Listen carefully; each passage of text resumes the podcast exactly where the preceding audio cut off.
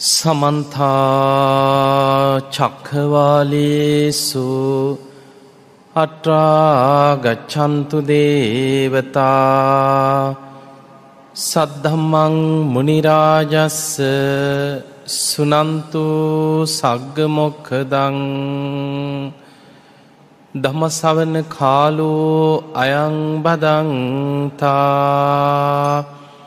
දමසවන කාලෝ අයංබදංතා දමසවන කාලෝ අයංබදංතා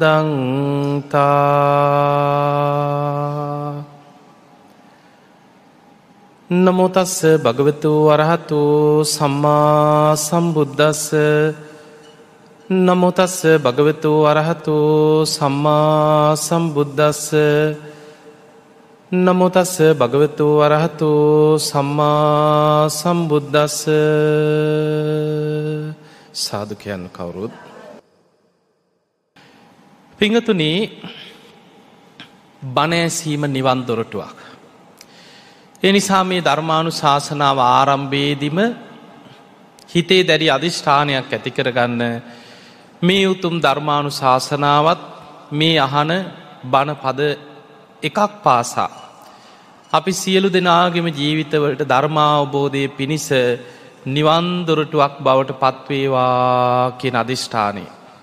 පෙංහතුනේ මේ සම්බුද්ධ ශාසනයේ ඒකා සංකේය කල්ප ලක්ෂයක් අසංකේයකුත් කල්ප ලක්ෂයක් පුරා අග්‍රශ්‍රාවක තනතුරක් මේ සම්බුද්ධ ශාසනයේ දරාගන්න සසරි බොහෝ කාලයක් පාරමී පුරාගෙන පැමිණිච්ච මහා පින්වන්ත යුවලක්. දාන සීල නයිස්ක්‍රම්ය ප්‍රඥා වීරිය කන්ති සච්ච අධිට්ඨාන මෛත්‍රී උපෙක්හා. මේ දස පාරමී ධර්ම සම්පූර්ණ කළ යුතුයි කෙනෙක් ධර්මාවබෝධය පිණිස. සම්මා සම්බුද්ධත්වයට පත්වෙන බෝසතාණන් වහන්සේලා මේ දසපාරමී ධර්ම පාරමී හැටියට උපපාරමී හැටියට පරමත්ත පාරමී හැටියට තිස් ආකාරයකට සම්පූර්ණ කරගත යුතුයි. බුදු කෙනෙක්ගෙන් විවරණ ලැබුණට පස්සේ නියත විවරණයක් ලැබිච්ච තැනයිදා. ප්‍රඥාධික බෝසතාණන් වහන්සේලා සාරා සංකේය කල්ප ලක්ෂයක් මේ දසපාරමී සම්පූර්ණ කරනු. ඒ වගේම සද්ධාධික බෝසතාණන් වහන්සේලා අටා සංකේය කල්ප ලක්ෂයක්. අසංකයේ අටකුත් මහා කල්ප ලක්ෂයක් පුරා ඔය දසපාරමී ධර්ම පාරමී උපපාරමී පරමත්ත පාරමී හැටියට සම්පූර්ණ කරන. මේ මහා බද්‍රකල්පයේ ඊළඟට සම්බුද්ධත්වයට පත්වෙන මෛත්‍රී බෝසතාණන් වහන්සේ වීරි අධික බුදු කෙනෙක් බවට පත්වෙනවා. උන්වහන්සේ සොලොසා සංකේය කල්ප ලක්ෂයක්. අසංකේය දාසයකුත් කල්ප ලක්ෂයක්ම දාන සීල නයිස්ක්‍රම්ය ප්‍රඥා වීරිය කන්ති සච්ච අධිට්ඨාන මෛත්‍රී උපෙක්කා කෙන මේ දස පාරමී පාරමී හැටියට උපපාරමිතා හැටියට පරමත්ත පාරමී කියන්න ජීවිතේ පවා පූජා කරනවා සම්බුද්ධත්වය ප්‍රාර්ථනා කර කර. මේ විදිහට බුද්ධත්වයට පත්වෙන උත්තමයන් වහන්සේලා සාරා සංකීය කල්පලක්ෂේ අටා සංකයේ කල්පලක්ෂේ සොලොසා සංකයේ කල්පලක්ෂය හැටියට පාරමී සම්පූර්ණ කරලා තමයි ලෝතුරා සම්බුද්ධත්වයට පත්වෙන්.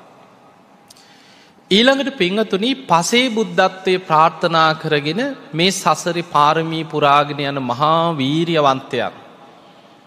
මහා කල්ප අසංකේය දෙහෙකුත් තවත් කල්ප ලක්ෂයක්.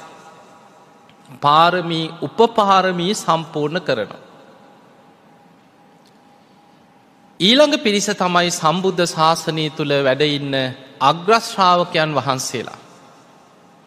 අග්‍රශ්‍රාවක තනතුරක් ලැබීම පිණිස මහා කල්ප අසංකේය එහෙකුත් තවත් කල්ප ලක්ෂයක් දසපාරමී සම්පූර්ණ කරන්නට ඕන. උපපාරමී පරමත්ත පාරමී ගැන සඳහනක් නෑ දසපාරමී. අර කියන දාන පාරමිතාව සීල පාරමිතාව නයිස්කම්ය පංච කාමයන් අතහැරිනෝ. ප්‍රඥාව වීරිය සාරිපුත්ත මහරහතන් වහන්සේගේ ප්‍රඥාව ගැන ධර්මය සඳහන් වෙන්නේ සාරිපුත්තයන් වහන්සේ මේ ඒකා සංකයේ කල්පලක්ෂය පුරාම අගසව් තනතුර ගැන විතරක් නෙමේ. ප්‍රඥාවන්තයන්ගෙන් අගතනතුර ලබන්නත් ප්‍රාර්ථනා කරගෙන සසර පුරාම නුවන ප්‍රඥාව වඩාගෙන වඩාගෙනාව. උන්වහන්සේගේ ප්‍රඥා පාරමිතාව මුදුම් පත් වෙලා තිබ්බ කියනවා. ඒ නිසාන පිංගතුන එක ගාථාව පද දෙකයි ඇහුනේ. ඒ දම්මා හේතු පබවා තේසං හේතු තතාගතු ආහ කියන පද දෙක ඇහෙනකොටම සෝවාන් පලට පත් වුණ සක්කායදිට්ටි විචිකිච්චා සීලබ්බත පරාමාස සංයෝජන සම්පූර්ණයෙන් තමන් තුළින් දුරුවෙලා උතුම් සෝතාපන්න පලට පත් වනා ගාථාවක පද දෙකක් ඇහිලා. ඒ දීර්ග සංසාර ගමනි ප්‍රඥා පාරමිතාව මුදුන් පත්වෙලා වැඩහිටිය නිසා. අග්‍රශ්‍රාවක තනතුරු ලබන්න අසංකේයකුත් කල්ප ලක්ෂයක් පුරා සසර පින්කරගෙන පින්කරගෙන ඔහොම ඇවිල්ලා අපේ බුදුරජාණන් වහන්සේ පහළ වෙන කාල වෙනකොට අද ඔයි නාලන්දා කියලතින නාලන්ද විශ්වවිද්‍යාල හිමිදා තිබුණ අන්නේ ප්‍රදේශෙ තමයි උපතිස්ස කෝලිත ගිහි නම යාලූ දෙන්න පුංචි කාලී ඉඳං හිතවත් සංසාර පුරුද්ධට යාලූ. තරුණ කාලේ එනකොට ඔය තරුණ ආසාවන්තියනවා නොෙක් විනෝද වෙන්න යනවා නටන්න යනවා මි විනෝද වයන් බලන්න කැමති උත්සව බලන්න කැමති මේ දෙන්නම යනවා ඒ කාලෙ තිබිල තින ගිරක්ග සමප්පජ කියලා කියන්න. සාමාන්‍යෙන් ඔය අවුරුද්ධකට සැරයක් තියෙන නිකන් කානිවල් වගේ උත්සවයක්. මේක බලන්න යනවා. ගිහිල්ල බලාගෙන ඉන්නවා ඉතින් නටනවා පිරිස් කණ්ඩායන් වසේ නටනවා සින්දු කියනවා විනෝද වෙනවා මේවා බලල ගෙදරේනවා. හැබැයි තරුණ වයසට එනකොට දෙන්නගෙම අර සංසාර පින ඒකා සංකයේ කල්ප ලක්ෂයක් පුරා සසරි පුරුදු කරපු පින දැම් මෝරනෝ. පින බලවත් වෙලා. එදත් ගියා යාලුව දෙන්න මේ උත්සවේ බලන්න. එදා ගිහිල්ල බලාගෙන ඉන්නකොට වෙනද දැකලා ඒක ආස්වාදය වින්දා දැන් ආදීනෝ වැටහෙනවා. නැම් බලාගෙන ඉන්නකොට කල්පනා කරන දෙන්න මොනවද අපි මේ බලන්න. මේ නිකං උඩ පනිනවා නටනවා දඟලනවා වෙහෙසට පත්වෙනවා අනුම් පිනවන්න මේ අයි විශාල උත්සාහයක් දරනවා. මොකදද මේ ජීවිතය අරතය. මොකක්ද අපි මේ හොයන්නේ. මේවා බැලුව කියලා අපිට කවදාවත් ගැලවීමක් විමුක්තියක් තියෙනවද. දෙන්නටම මෙහෙම කල්පනාවෙන්න පටන් ගත්තා. මේක බලාගෙන ඉඳලා දෙන්නම කතා වුණා යහළුව ඇත්තටම අපි මොනවද මේ බලන්නේ. ඒක තමයි මාත් කියන්නේ. දැන් දෙන්නට දෙන්න එකම අදහස. දෙන්නම සාකච්ඡා කරා එහෙම නං අපි මෙතනින්ම යම් විමුක්තියක් හොයාගෙන ආයි ගෙදරාවෙනෑ. අර උත්සවේ බලලා අවසන් වෙලා යාලුව දෙන්න උපතිස්ස කෝලිත දෙන්න එතනින්ම පිටත් වනායි ගෙදරටවත් ආවෙනෑ කියන්න අවසර ගන්න අපි යනවා කියන්න ආවෙනෑ එතනින්ම ගියා විමුක්තියක් හොයාගෙන. එහෙම හොයාගෙන හොයාගෙන යනකොට විමුක්ති මාර්ගයක් හොයාගෙන යනකොට සංජයේ කියලා පරිබ්‍රාජකයෙක් ඉන්න පන්සීයක විතර පිරිසකට අනුශාසනා කරනවා. අර පිරිස හිතාගෙනන්නේ සංජය කියන්නේ ධර්මය අවබෝධ කරගත්ත උත්තමය කියල්. තින් අනේ අර ගෝලියෝ ටික වැදගෙන අහගෙන ඉන්න අපිටත් අවබෝධ වෙයි දැන් අවබෝධ වෙයි දැන් අවබෝධ වෙයි කියල. උපතිස්ස කෝලිත දෙන්නත් ගිහිල අර කණ්ඩායමටම එකතු වුණා. එකතු වෙලා කාලයක් අර සංජය කරන දේශනා කියන අනුශාසනා කියනේ වහගෙන හිටිය හිටියා අවබෝධ වෙන්න වැටහෙන්න. ඔන්න බලන්න අපිට මේකෙන් එකක් තේරෙනවා කොච්චර සංසාර පින තිබුණත්. ඒකා සංකේය කල්පලක්ෂයක් පාරමී පුරලා ප්‍රඥා පාරමිතාව මුදුන් පත්වෙලා තිබුණත් අහගෙන ඉන්න වැරදි බණක් නං අවබෝධය ලැබෙන්නේ. අර සංජයේ ළඟට ගිහි ලහගෙන හිටිය කාලයක් කිසිම වැටහීමක් නෑ. ඊට පස්සේ මේ දෙන්නම කතා වුණා කිසි දෙයක් අපිට ලැබෙන්නේ ෑනේ. අපිත් ඉතින් අහගෙන ඉන්නවා අපිට මෙතනින් එහාට කිසිම අවබෝධයක් වැටහීමක් ලැබෙන්නේ මේක නන්නෙමයි මාර්ගයේ. අපි දෙන්න යම් මෙතනින්. විමුක්තියක් හොයාගෙන අපිට කොහේ හරි හම්බේ කියලා දෙන්නම එතනින් එලියටාව. අර සංජයේ පරිබ්‍රාජකයගේ ආශ්‍රමින් එලියට ඇවිල්ල පාරදිගේ ඇවිදගෙන යනවා. ඔහොම ගිහිල්ල ටික දුරක් ගිහිල්ල දෙන්න කතා වුණා අපි මේ කතා කර කර එක පාර ගිහිල්ලා මෙහෙම යනවට වැඩිය හොඳයි අපි දෙපැත්තකට බෙදිලය. කාට හරි කලින් විමුක්ති මාර්ගයක් හම්බුනොත් අනිත් කෙනා හොයාගෙන ඇවිල්ලා ඒ මග කියල දෙන්න. දෙන්නට දෙන්න පොරොන්දුවක් වුණා ඉස්සරලාම විමුක්ති මාර්ග හොයාගෙන් හොයාගන්න කෙනා තමන්ට වැටහිච්ච ගමන් අනිත් යාළුව හොයාගෙන එනවා කිය. පාරි දෙපැත්තකට බෙදි ලගියා. ඔන්න ඔහොම යන අතරේ අපේ බුදුරජාණන් වහන්සේ පළවෙනි රහත් හැට නම අමතලා ධර්මප්‍රචාරයට පිටත් කරා පමණයි. චරත භික්කවේ චාරිකම් බහුජන හිතායි බහුජන සුකාය. මහනෙනි චාරිකාය වඩින්න බොහෝ දෙනාට හිත පිණිස සැප පිණිස. අත්තායි හිතායි සුකායි දෙව් මනුස්හානන් දෙව්මිනිස් ලෝකයාට හිතසුව පිණිස චාරිකාය වඩින්. එක මගකින් දෙනමක් යන්න එපා. ගම් නියම් ගම් පුරා වැඩම කරමින් ආදි කල්්‍යයාන මජ්්‍යය කල්්‍යයාන පරියෝසාන කල්්‍යයාන.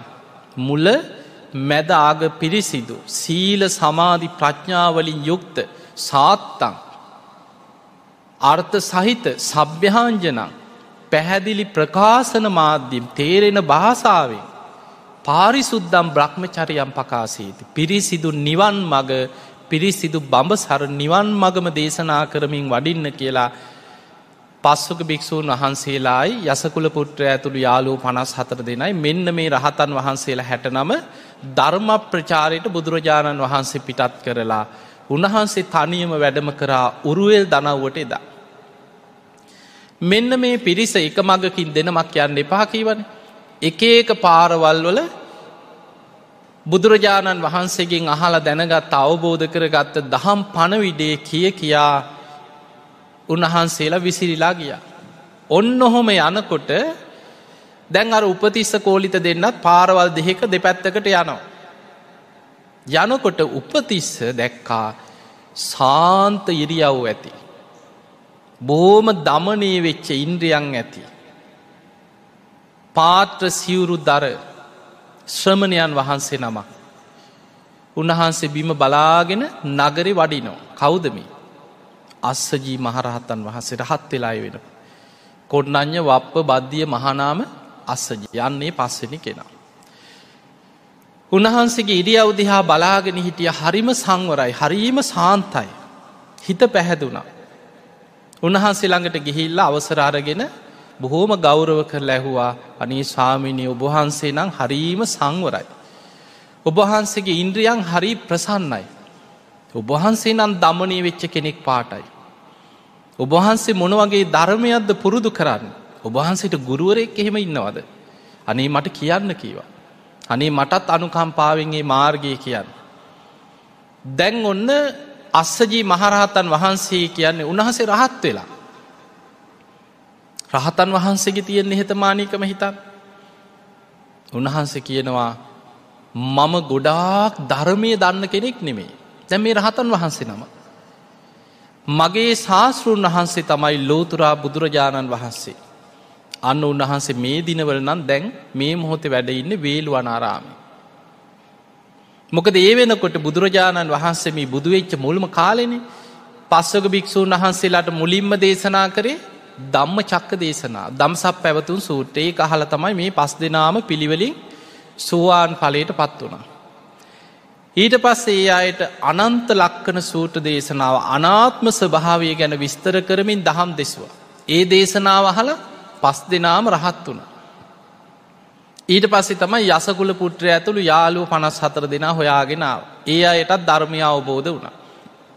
පළවෙනි වස්කාලේ ඉසිපතන මිගදායි මූල ගන්ධ කුටි මුලින්ම වැඩ සිටිය ගන්ධ කුටි බුදු හාන්දුරුව වස් සමාදන් වෙලා වස් මාස තුන වැඩඉඳලා වස් පවාරණින් පස්සේ තමයි මේ හැට නමක් ධර්ම ප්‍රචාරයට පිටත් කළ උන්වහන්සේ වැඩි. එතකොට බුදුරජාණන් වහන්සේව අර මාස තුනක් වගේ තමයි ඇසුරු කරේ. ප්‍රධාන දේශනා කීපයයි බුදුරජාණන් වහන්සේගේ බුදුමුවින් අහලා දැනගෙන තිබුණ. හැබැයි උන්වහන්සේලා රහතන් වහන්සේලා. බුදුරජාණන් වහන්සේ දේශනා කරපු දෙයක් ඇරෙන්න තමන් අවබෝධ කරගෙන හිටියත් මන්දන්නවා කියලා උන්වහන්සේලා බොහෝ දේවල් කියන්න ගිය නෑ. අස්සජී මහරහතන් වහන්සේ කියනවා මගේ ශාස්තෘන් වහන්සේ වැඩ ඉන්න වේලු අනාරාම. හැබැයි මං අවබෝධ කරගත්ත උන්වහන්සගේ ධර්මය. ඒ අවබෝධ කරගත්ත ධර්මය මං හකුලවල කෙටියෙන් කියන්නම් කිය. හනී ස්වාමීනී කියන්න කියලා වැඳගත්තා. දැම්මේ මහපාරි මිනිස්සු යනයෙන් අතරේ. මහපාරි වැඳගෙන අහගෙන ඉන්නවා. අස්සජී මහරහතන් වහන්සේ ගාථාවකින් මේ නිවන් මගම හකුලවල ගාථාවක් කියනවා. ඒ දම්මා හේතු පබවා තේ සංහේතු තතාගතුවාහ. තේ සංචයෝ නිරෝධෝ ඒවංවාදී මහා සමනෝ කියල ඔය ගාථාවක මේක දෙන පටිච්ච සම්පාදය හකුලවලා. එතකොට මේ වගේ පද හතරක පුංචි ගාථාවක් කියපු සැනින් පලවෙනි පද දෙක ඇහෙනකොටම අර සසර පුරා ඒකා සංකයේ කල්පලක්ෂයක් පුරුදු කරපු සංසාරික නුවන ප්‍රඥා පාරමිතා නුවන පාරමී ශක්තිය මතුවනා ඒ මොහොතෙම සක්කායිදිට්ටි විචකිච්චා සීලබ්බත පරාමාස ප්‍රහාණය වෙලා උතුම් සෝතා පන්න පලට පත් වනා. උන්වහන්සේට බොහොම ගෞරව කරලා බුදුරජාණන් වහන්සේ වැඩඉන්න වේල්ුවනාරාමයට යන මාර්ගයත් අහගෙන වන්දනා කරපු ගමම්ම මතක් වුණේ කාවද යාළුවා කෝලිතව පොරොන්දුවක් වුණානේ තමන්ට ධරමී ලැබිච්ච ගමන් තමන්ගේ මිත්‍රයා හොයාගෙන මග කියන්නේ නවා කියලා. ඒ වෙලා ඉක්මනට කෝලිතගිය පාරේ ඇවිදගෙන ඇවිදගෙන ඔහු හොයාගෙන යනකොට අනේ කෝලිතත් ඈතින් යනවා. ගිහිල්ල කතා කරා යහළුව යහළුව මට ධර්මය හම්බුනා කියව. මට ධර්මී මුණ ගැහුණ කියෝ. පුද්දුම සතුටක් දැම් බලන්න කෝලිතට බණ කියන්නේ හාමුදුරු කෙනෙක්ද නෑ. ශ්‍රමණයන් වහන්සේ කෙනෙක් නෙමේ තමන්ගෙම යාළුව උපතිස්ස. කෝලිත ධර්ම ගෞරවයයි වැදගත්. මට ධර්මය හම්බුනා කීවට පස්සේ කෝලිතත් වැඳගෙන කිව අනේ මට ඒ ධර්මී කියන්න. ඒ උතුම් ධර්මය මටත් කියන්න කියව. අර අහගත්ත ගාථාවමයි. ඒ දම්මා හේතු පබවා තේ සංහේතු තතාගතුවා හත් ඒ සංචයෝ නිරෝධූ ඒවංවාදී මහා සමනෝ කියන මේ ගාථාව පද හතරම කියලා ඉවර වෙනකොට කෝලිතත් සුවාන් පලට පත් වුණ. එතකොට මේ ගාථාවේ පලවෙනි පද දෙක අහලා අවසන් වෙනකොට උපතිස්ස සෝවාන් වනා පද හතර මහල අවසන් වෙනකොට කෝලිත සෝවාන් පලට පත්වන දැන් දෙන්නම සෝතාපන්න පලට පත්වෙච්ච ආර්යස් ශ්‍රාවකරු දෙන්නේ. එහෙම්මම බුදුහාන්දුරු හොයාගෙන ගියත් නෑ. යුතුකං ඉෂ්ට කරන්න ආපහු ආවා අර සංජයකි තැනට. මොනවහරි තමන්ට වැටහුණන් නැතත් කාලයක් සංජය ළඟ හිටියන. ඇවිල්ල සංජය ඇතුළු වර පන්සීයක පිරිසට ඇවිල්ල කිව්වා අපිට උතුම් ධර්මයක් ලැබුණා. බුදු කෙනෙක් පහළ වෙලා. ඒ බුදුරජාණන් වහන්සේ යන්න වේලු අනාරාමි රජගහනුවර වැඩඉන්නවා. අපි යනවා යං අපිත් එක්ක කීවා. ඒ වෙලාවේ සංජය ඇතුළු එතනින් භාගයක් විතර දෙසිය පණහක් විතර කිව නෑ නෑ අපි යන්න අපි යන්න කිව අපිට මෙහි හොදයි කියව. සංජය කිව මත් ශාස්ෘුවරයෙක් කියලා හිතාගෙන ඉන්න ඉතින් අපිත් දන්න දෙයක් තියෙනවා අපි මාව පිළිගත්ත කට්ටියත් ඉන්නවා මට ඔය එක තැන්ගොලට යන්න ඕන්නෑ කිව අන්න කරුමි. මාන්‍ය නිසා වැහිලා ගියා. හැබැයි එතන හිටපු දෙසිය පණහක විතර පිරිසක් කිවන්නේ අපි එනවා. අපි එනවා ඔයි දෙන්නත් එක්ක. අර පන්සීයෙන් දෙසිය පණහක් එකතුනා අන්නේ පිරිසත් එක්ක උපතිස්ස කෝලිත අර දෙසිය පණහක පිරිසත් එක්ක පිටත් වනා රජගහනුවර වේළුවනාරාමි හොයාගෙන. එදා අපේ බුදුරජාණන් වහන්සේ වේළුවනාරාමේ වැඩඉන්නවා සංඝයාට අනුශාසනා කරමින් වැඩ සිටිද්දී ඈතින් එනවත් තරුණ පිරිසක් දෙසිය පණහක පිරිසක් එනවා ඉදිරියෙන් එනවා මහා පින්වන්ත තරුණයෝ දෙන්නේ. උපතිස්ස කෝලිත. බුදුරජාණන් වහන්සේ අර සංගේ අතරදිම ශ්‍රී හස්තය දිගු කරලා පෙන්නවා මහනෙන අර ඇතින් එන්නේ මගේ සම්බුද්ධ ශාසනයේ අග්‍රශ්‍රාවකවරු දෙන්න කිවරෙන්නේ. එදා බුදුරජාණන් වහන්සේ ළඟට ඇවිල්ල වන්දනා කරලා වාඩියුනා බුදුරජාණන් වහන්සේ මේ දෙසිය පණහක් පිරිසටත් උපතිස්ස කෝලිත මේ දෙන්නටත් දහම් දෙසවා. එදා බණහල් අවසන් වෙනකොට අර අනි දෙසිය පණහක පිරිස සියලු දෙනාම උතුම් ධර්මය අවබෝධ කරගෙන රහතන් වහන්සේලා බවට පත් වන. සාරිපුත්ත මහරහත්තන් වහන්සේ බුදුරජාණන් වහන්සේ මුණගැහිලා මේ හැමෝටම එහි බික්කු භාවයෙන් පැවිදි උප සම්පදාව ලැබුණ. සාරිපුත්ත හාන්දුරුව රහත් වෙන්නේ හරිම පුදුම ක්‍රමයකට. දැන් සාරිපුත්ත හාන්දුරුවෝ අර ගෙදරට නොකිය ගියාන අර උත්සවේ බලලා සාරිපුත්ත හාන්දුරන්ගේ අම්ම රූපසාරී බැමිණිය නෑදෑයන් එකතු කරලා කතා කරලා මගේ පුතා කොහෙ ගිහිල්ලත් දන්න හොයාගෙන ඉන්න කියලා කට්ටි එහෙමෙහි පිටත් කරලා. ඔය අතර සාරිපුත්ත හාන්දුරන්ගේ ඥාති වෙන කෙනෙ. දැන් නෑදෑයෙක් දීගනක කියලා. සාරිපුත්ත හාන්දුර හොය හොය හොය හොය යනව දැන් උපතිස්සව හොයනවා. ඒම හොය හොයා එන්නකොට උන්වහන්සේ පැවිදි වෙලා. එදා බුදුරජාණන් වහන්සේ සමඟ පැවිදි වෙලා සතියයි. ගිජ්ජකූට පරවතයේ බුදුරජාණන් වහන්සේගේ ගන්ධකුටියේ පහලින් තියෙනවා සාරිපුත්ත මහරහත්තන් වහන්සේත් වැඩහිටිය කුටිය. අද එතනට කැන සූකර කතලෙන කියලා. අන්න එතනට බුදුරජාණන් වහන්සේ වැඩම කරලා ග්‍රීස්ම වෙලාවා. සාරිපුත්්‍යයන් වහන්සේ බුදුරජාණන් වහන්සේට පවන් සලනවා. දීගනක පාර අහගෙන අහගෙන උන්වහන්සේ හොයාගෙනනවා. බුදුරජාණන් වහන්සේ දැක්කට පස්සේ වන්දනා කළ ඉදිරියෙන් වාඩි වුණ. සාරිපුත්ත ස්වාමීන් වහන්සේ රහත් වෙලා නෑ තාම සාරිපුත්තයන් වහන්සේ බුදුරජාණන් වහන්සේට පවන් සලනවා බුදුරජාණන් වහන්සේ අර දීගනක පරිබ්‍රාජකය අරමුණු කරගෙන වේදනා පරිග්ගහ කියන සූට්‍ර දේශනා විස්තර කරමින් දහම් දෙසුවහොට. ඒ දේශනාව අවසන් වෙනකොට ඔහු සෝවාන් පලට පත් වනා. බුදුරජාණන් වහන්සේට පවන් සලසලා දීගනකට බුදුරජාණන් වහන්සේ දේශනා කරන ධර්මය අහගෙන හිටපු සාරිපුත්තයන් වහන්සේ බුදුහාන්දුරන්ට පවන් සලද්දිම සියලු කෙලෙසුන්ගේ මිදිලා උතුම් මරහත්වයට පත් වුණ. බලන්න බුදුරජාණන් වහන්සේට පවන් සලද්දි තමයි සාරිපුත්ත හාන්දුරු රහත්වෙන්. එතකොට අපිට පේනවා කෙනෙක් යම් වෙන වැඩක යෙදිලා හිටියත් එයාගේ අවධානය මනසිකාරය සම්පූර්ණ යෝනිසෝ මනසිකාරය ධර්මය තුළ පිහිටවාගෙන නං ඉන්නේ හොඳ සිහියෙන් නංගේ වැඩේ දෙන්නේ ඒ තුළත් ධර්මාවබෝධයට හිත වැඩෙනවා. පැවිදි වෙලා සති දෙහකට වගේ පස්සෙ තමයි මුගලන් මහරහතන් වහන්සේ උතුම් අරහත්වයට පත්වෙන්. පචලායන කියල සූට්‍රයක්ති නො දීගනිකයි මුගලන් හාදුරන්ට චුට්ටක් පැවිදි වුණට පස නිදි මත ගතිය ටිකක් තිබිලතිය. ඒක තියෙනවා දවසක් බුදුරජාණන් වහන්සේ බලනවා කෝමී මොග්ගල්ලාන කියල බලනකොට මෙන්න භාවනා කරනවා නිදිකිරා වැටෙනවා.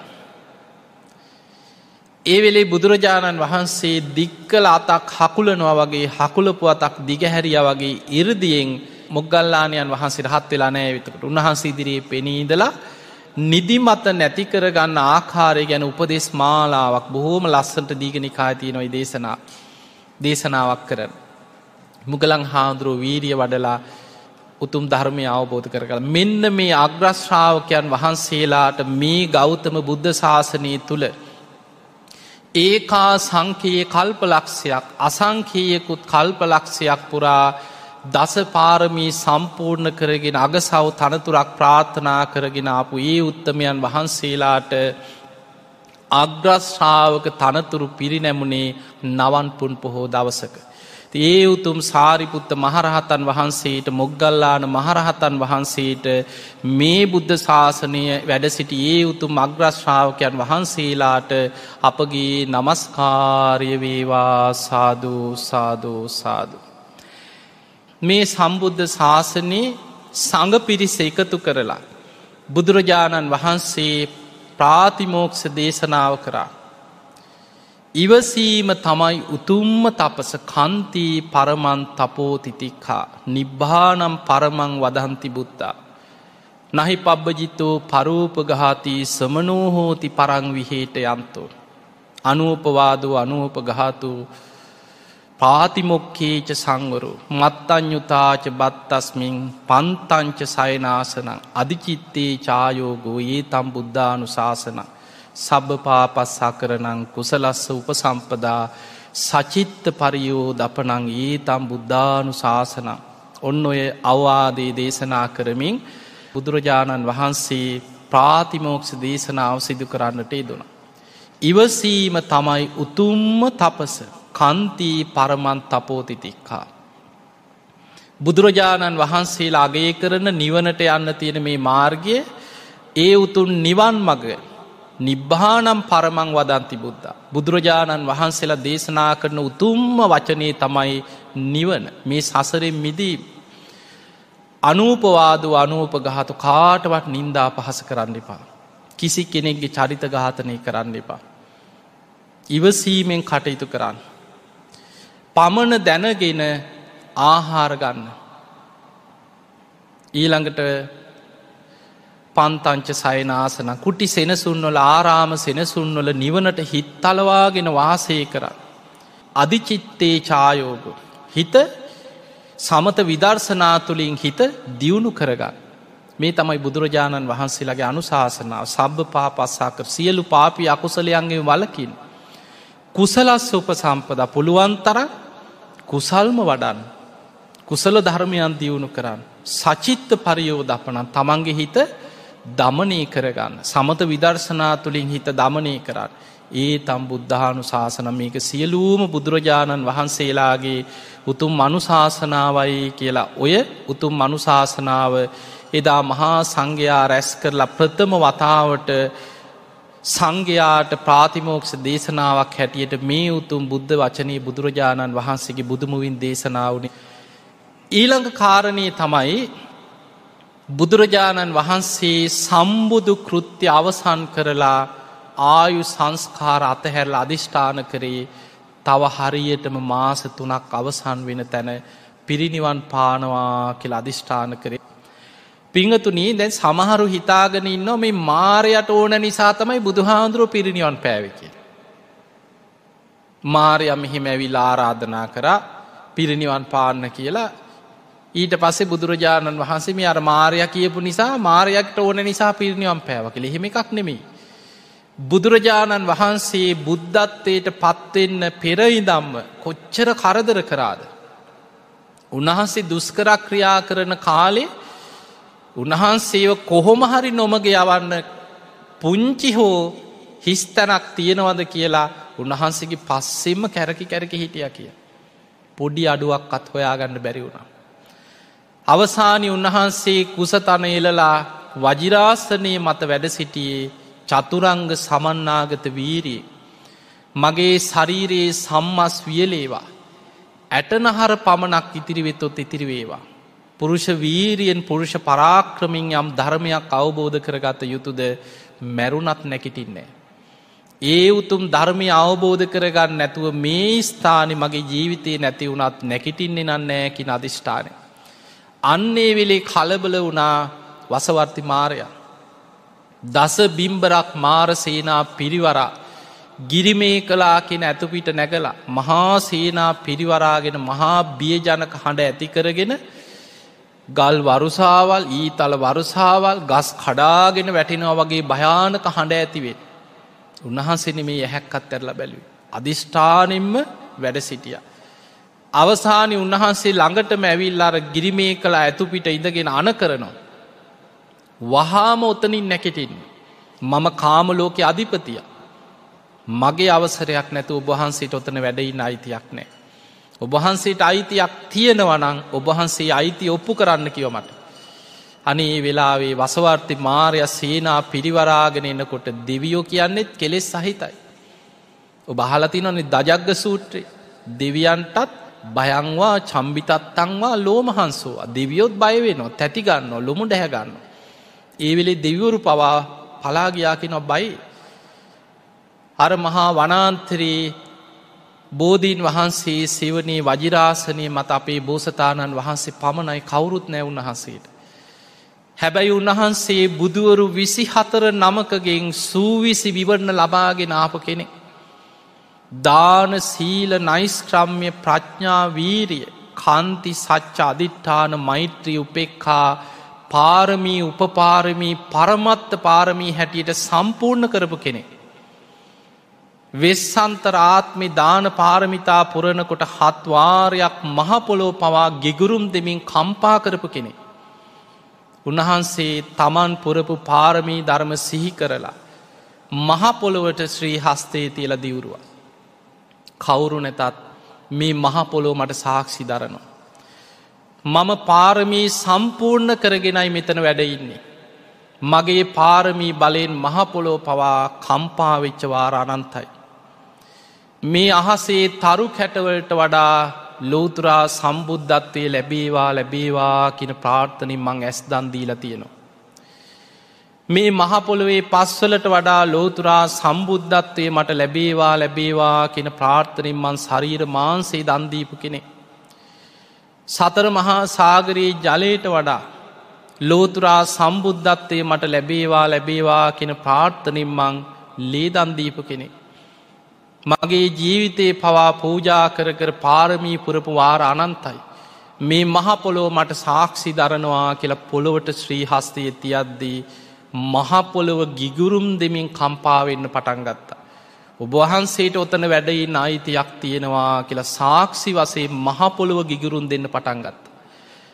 අන්නේ වෙලා වසවර්ති මාරය සේනාවත් එක්ක බිය වෙලා සීසීකට පලාගිය. ඕක තමයි අපි කියන්නේ බෝධිමූලයේදී දසබිම්බරක් මාරසේනා පරාජය කරා කිය. දැන් උන්වහන්සේට කරදර කරන්න කවුරුත් නෑ. උන්වහන්සේගේ පාරමී බලයෙන් මාරසේනා පලාගිය බිය වෙලා. උන්වහන්සේ රාත්‍රී ආනාපාන සති භාවනාවට හිතයොමු කරා හිත සැනින් සමාධිමත් වුණ. පළවෙනි දෙවනි තුන්වෙනි හතරවෙනි දිහානයට හිත එකඟ වුණා. රාත්‍රී පළවෙනියාමේ පළවෙනි විද්‍යාව පුබ්බේ නිවාසානුස්සති ඥානෙ පහළ වුණා කල්ප ගනම් පෙරජීවිත දකින නුවන. රාත්‍රී දෙවනියාමෙ චුතූපාතඥානෙ කෙනෙක් මිය ගියාට පස්සේ කර්මාන්රූපියෝ උපදින සංසාර සත්වයන් ඉපදමින් මැරමින් යන සසර ගමනි භයානක්කම උන්වහන්සේට වැටහුණා. රාත්‍රී තුන්වෙනි යාමේ පුරාම පටිච්ච සමුපාදය අනුලෝම ප්‍රතිලෝම වස්සයෙන් විමසල විමසල අවසන් වෙනකොට හිමිදිරි උදෑසන අරුණෝදයක් සමගම නැගෙනහිරින් අරුණෝදය මතු වෙනකොටම උන්වහන්සේගේ හිත සියලු කෙලෙසුන්ගෙන් සියලු ආශ්‍රවයන්ගේ මිදිල ලෝතුරා සම්මා සම්බුද්ධත්වයට පත්වෙනවා. බුදුරජාණන් වහන්සේ බුදු වෙලා සතියක් බෝධිමූලේ විමුක්තිස්වෝ විඳමින් වැඩ හිටිය. ඉරියව්වත් වෙනස් නොකර ඒ බෝධිමූලේම වැඩඉන්නකොට දැන් අර වසවර්ති මාරයා ආයමත්තාව. ඒ ආවේ අරවිදිහට නෙමේ. ඒ වෙලාවෙ ඇවිල්ලා බොහෝම දමනය වෙච්ච නිහතමානී විදිහට ඇවිල්ලා උන්වහන්සේට මෙහෙම කතාවක් කියනවා. ස්වාමීනී ඔබහන්සේ කොහොම හරි දැම් මගේ වසගෙන් මිදුණා. හැබැයි ඉතින් මේ මිදෙන මාර්ගී නම් දේශනා කර කර ගිහිල්ල නිකං ඔබහන්සේ වෙහෙසකට පත්වවෙන්න එපා. දැන් ඉතින් ඔබහන්සේ කොහොම හරි මගේ මිදුනනේ ඉක්මනින්ම පිරිනිවන් පානසේක්වා කීවා. බුදුරජාණන් වහන්සේ වදාළ පාපී මාරය බුදුරජාණන් වහන්සේ මාරයට කතා කරලා තියෙන දේශනාවල තියෙන්නේ පාපීම පාපිමතෝ මාරු පාපී මාරයේ තතාගතයන් වහන්සේලා එහෙම පිරිනිවන් පාන්නෑ කියෝ. අවබෝධ කරගත් ධර්මය ලෝකෙට දේශනා කරලා භික්‍ෂු භික්‍ෂුණී උපාසක උපාසිකා කියන සිව්වනක් පිරිස අනාගතයේ ලෝකෙ පහළ වෙනවා. ඒ අය මේ ධර්මය ගැන වියක්ත විසාරද බහුශ්ෘත ධර්ම දර දම්මානු දම්ම ප්‍රතිපන්න සාමීචි පටිපන්න අනුදම්ම චාරී ශ්‍රාවකයෝ බවට පත්වෙනවා.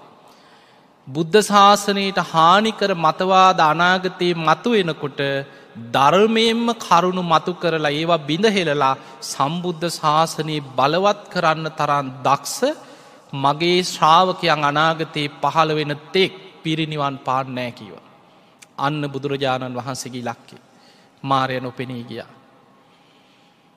පිංගතුනි බුදුරජාණන් වහන්සේ බුදු වෙලා වැඩහිටි අවුරුදු හතලිස් පහක කාලයත් තුළ නැවත නැවත අවස්ථා ගණනාවකදී. මහා පරිනිබ්භාන සූට්‍රය සඳහන් වෙනවා දාසය වතාවක්. සැරෙන් සැරේ තැන් තැන්වලදි පාපී මාරය පෙනීඉදල කියනවා අනේ ස්වාමිනි ඔබහන්සේ දැම් වැඩ හිටිය ඇති. ඔබහන්සේ ඉක්මනිම පිරිනිවන් පාන්න. ඔබහන්සේ වැඩ හිටිය ඇති. ඒ හැම වෙලාම බුදුරජාණන් වහන්සේ මතක් කරේ පාපී මාරය බුදුවරු එහෙම පිරිනිවන් පාන්නේ. බුදු කෙනෙක් විසින් කළ යුතු සම්බුදු කෘත්තියක් තියෙනවා ලෝකේට. ඒ තමයි අවබෝධ කරගත් ධර්මය ලෝකෙට දේශනා කරලා ඒ ධර්මය අවබෝධ කරගත් ශ්‍රාවකය ලෝකෙ පහළ වෙනවා. භික්‍ෂු භික්‍ෂුණී උපාසක උපාසිකා සිව්වනක් පිරිස. ඒ අය මේ ධර්මය ගැන ව්‍යක්ත විසාරද බහුශ්ෘත ධර්ම දරාය බවට පත්වෙන්න ඕන. ඒ අය සාමීචි පටිපන්න අනුදම්මචාරී ශ්‍රාවකයෝ බවට පත්වෙන. මේ බුද්ධ ශාසනයේ ලෝකයේ පුරා බබලවන්න දක්ෂ ශ්‍රාවකයෝ පහළ වෙනවා. එතකම් පිරිනිවන් පාන්නයකි. පිංහතුනි බුදුරජාණන් වහන්සේ ඔය අරමුණ උන්වහන්සේගේ සම්බුදු කෘත්තිය ඉටු කිරීම පිණිස උන්වහන්සේට අවුරුදු හතලිස් පහක් ගත වුණ. දවසි පැය දෙහෙකටත් අඩු කාලයක් සිංහසේයාවෙන් සැතපෙන්. හිමිදිරි උදෑස්සන මහා කරුණා සමාපත්තියෙන් ගන්ධකුටියේ ඉදං දස දහසක් ලෝක දහතුවට බුදු ඇස විහිදෝන්. කවු දද දවසි ධර්මය අවබෝධ කරන්න කාට දදමම් පිහිටවෙත්. කොහෙදෑ පින් ඇති අය ලෝකෙ ඉන්නේ. ඒ අය හොයාගෙන ගිහිල බුදුරජාණන් වහන්සේ නිවන් මඟ පෙන්නල දෙනවා. හවස්වරුවෙත් බුදුරජාණන් වහන්සේ දොළොස් කෝටි ලක්ෂවාරයක් මහා කරුණා සමාපත්තියට සමවදින්. ගන්ධකුටියේ ඉදන් දස දහසක් ලෝක දහතුවට බුදු ඇස විහිදෝනු. කවුදාද රාත්‍රී කාලෙ දම් සභා මණ්ඩපේ. රාත්‍රී මැදියම් යාම පැමිණෙන දෙවියන් බ්‍රහ්මයන් අතරින් නිවන් දකින්නේ මඟ පල් ලබන්. බුදුරජාණන් වහන්සේගේ බුදුවෙලා වැඩසිටි අවුරුදු හතලිස් පහක කාලේම ගෙවිලගේ දෙව්මිනිස් ලෝකයා ගැන මහා කරුණාවේ. හැබැයි පිංහතුනි අපි වගේම බුදුරජාණන් වහන්සේ දින සති මා සවුරුදු ගෙවෙද්දී උන්වහන්සේත් වයිසට ගියා. බුදුරජාණන් වහන්සේට අවුරුදු අසුවක් වේගෙන එනකොට උන්වහන්සේ අවසාන වස්කාලි ගත කරන්න බේලුව කියන ගමයි.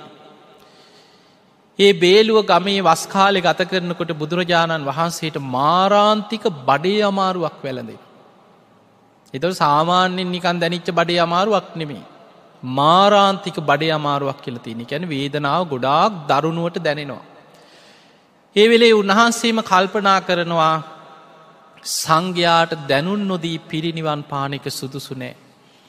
අතීත බුදුරජාණන් වහන්සේලා පිරිනිවන් පෑවෙ කොයි විදිහටද. අන්නේ කාරණය බලලයේ මොහොතේ චන්ද චිත්ත විරිය වීමන්සාකෙන ඉරදිපාද බලෙන් ආයු සංස්කාර අධිෂ්ඨාන කරනවා. බුදු කෙනෙකුට පුළුවන් චිත්ත බලයෙන් ආයු සංස්කාර අධිෂ්ඨාන කරලා රෝග යටපත් කරන්න පුළුව. ආයු සංස්කාර අධිෂ්ඨාන කරනවා සමගම රෝගය එහෙමම සුවපත් වනා අසනීප නැති වුණ එක සැනේ. බුදුරජාණන් වහන්සේ නැකිටලා එලි මහනට ඇවිල සක්මන් කරනවා. ආනන්ද හාමුදුරුවන්ට පුදුමයි බුදුරජාණන් වහන්සේව දැකලා. ඇවිල්ල වන්දනා කරලා කියන අනේ ස්වාමිනි ඔබහන්සේ මීට ටික වෙලාවකට පෙර ගිලංව හිටියේ. බොහෝ අසනීපෙන් ගිලංව වැඩඉන්නවා මන් දැක්කේ.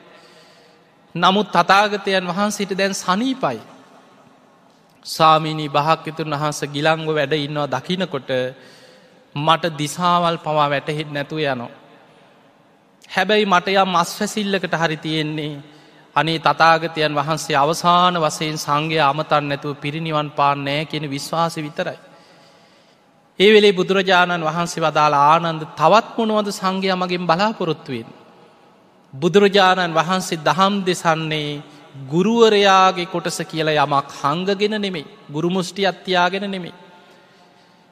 අවබෝධ කළ යුතු යමක් ඇද්ද ඒ සියල්ල තතාගතයන් වහන්සේ දේශනා කළ අවසානයි. ආනන්ද අපි යං චාපාල චෛත්‍යය ළඟට කියල ඒ අසල තිබ්බ බොහොම ලස්සන චාපාල චේතිය කියල ස්ථානය. එතනට බුදුරජාණන් වහන්සේ වැඩම කර.